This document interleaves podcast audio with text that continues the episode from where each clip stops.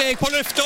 Mikrofon og alt har gått til balalaika. Da er det Balalaika med Alf Henden i studio igjen, og vi ser på historiske hendelser i uke 32. Vi Begynner med en veldig god eh, musikalsk fødsel i dag.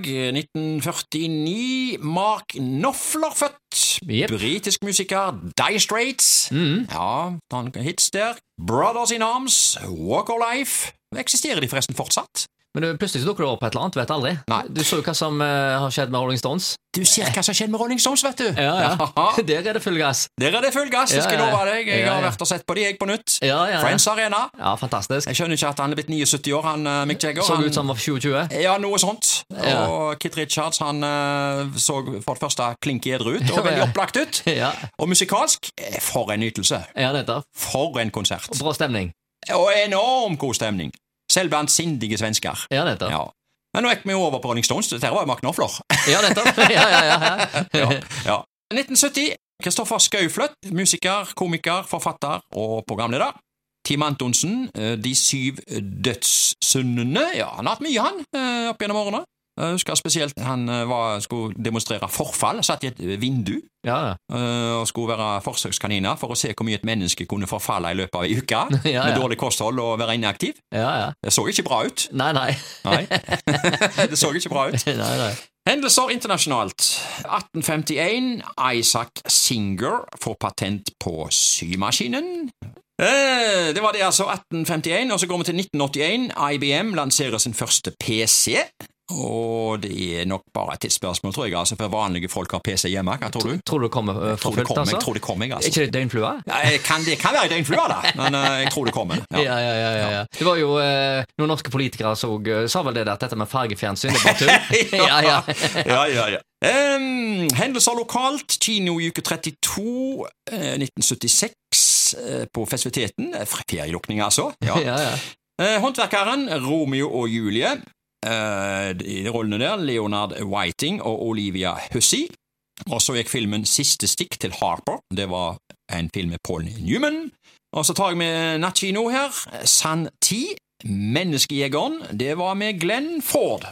Og så skal vi tilbake til 1905, vet du. Ja eller nei til unionsoppløsning med Sverige, for å spørre først hvordan tror du det gikk? Ja eller nei? Da måtte det nesten bli nei. Nesten, bare nesten. Ja. Ja. Jeg skal sitere dette. Avstemningsdagen. Avisen Haugesunderen skrev Avstemningsdagen i går ble innledet med musikk gjennom gatene, hvorefter det fulgte slag i slag med korallmusikk og sang av kvartetten Noreg på Øvre Torv, hvor det var samlet en stor feststemt menneskemengde. Efter gudstjenesten togede forsamlingen med kommunestyret i spissen til avstemningslokalene, hvor stemmegivningen straks begynte. Opptellingen av stemmene var ferdig klokken to om natten. Det ble avgitt 1118 godkjente stemmer. Alle ja, enstemmig altså. Utover natten var det samlet en hel del mennesker i totallokalet som ventet på utfallet av avstemningen. Da dette ble meddelt, toget forsamlingen gjennom gatene, syngende på fedrelandssanger. Ja, altså enstemmig ja i Haugesund eh, til unionsoppløsning med Sverige. Eh, det var faktisk én som stemte nei i Kopervik. Oh, ja. Det har vist seg, det, altså. Jeg følger eh, Kim Kakko-bøkene her til Tor Inge Vormedal, så jeg var inne og kikka her. Eh, alltid gode oppslagsverk, det. Eh, da var det altså en i Kopervik som hadde stemt nei der. Mm. Jeg vet ikke om han angrer, jeg. Han fikk Nei. iallfall ikke viljen sin. ja, det gjorde han Nei, ikke. nei. 1976, skolestart. Overskrift Haugesunds Avis Det koster å være elev på videregående skole. Gymnaselever trenger bøker for 600 kroner. Skolestart førstkommende mandag. Hundrevis, for ikke å snakke om tusenvis av elever skal begynne på videregående skoler i Haugesundsdistriktet. En av de mange ting som er nye og uvante for de som skal begynne på videregående skoler, er at de må skaffe alt skolemateriell selv, sto det å lese. Ja, og jeg husker disse dilemmaene her.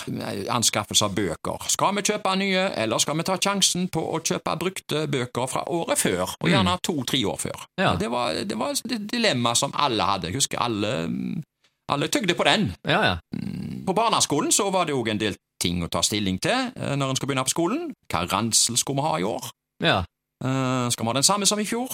Hva med pennal? Skal det være noe Det var ikke så fancy noen ting på den tida, da, men eh, det var nok litt finere pennaler enn andre. Ja, ja, det. Så det var noe du skulle ta stilling til. men dette med bøker på videregående, det kosta en del, altså. Jeg husker det var jo en del bokhandlere å velge mellom òg, og sånn så vidt jeg husker det, så kjøpte jeg alle bøkene sjøl. Jeg tok ikke sjansen på å uh, Kjøpte nye hvert Nei, jeg tok ikke sjansen på noe. Og så kunne det jo komme en ting i undervisningen også som gjorde at du faktisk trengte den nye oppdaterte. Oh, ja. Ja. Men hvordan i dag, vet jeg ikke. Det begynner å bli noen år siden jeg gikk på skolen, men nå begynner jo skolen igjen, og eh, Det er det er nok noen så, som må forberede seg i år òg. det er vel gjerne ikke så mye skolebøker, det er vel elektronisk det meste nå? Ja, det har jeg òg hørt. De sitter med noe eh, Såkalte datamaskiner? Såkalte EDB-maskiner, ja. Ja, ja. ja, ja. Det, det. Håndholdte, til og med. Ja, ja, ja. Da er det egentlig bare én ting å spørre om. Ja. Skolebøker! Ja. Hot or not? Ah, nei, Nei, det er not. Det er not. Ja, ok.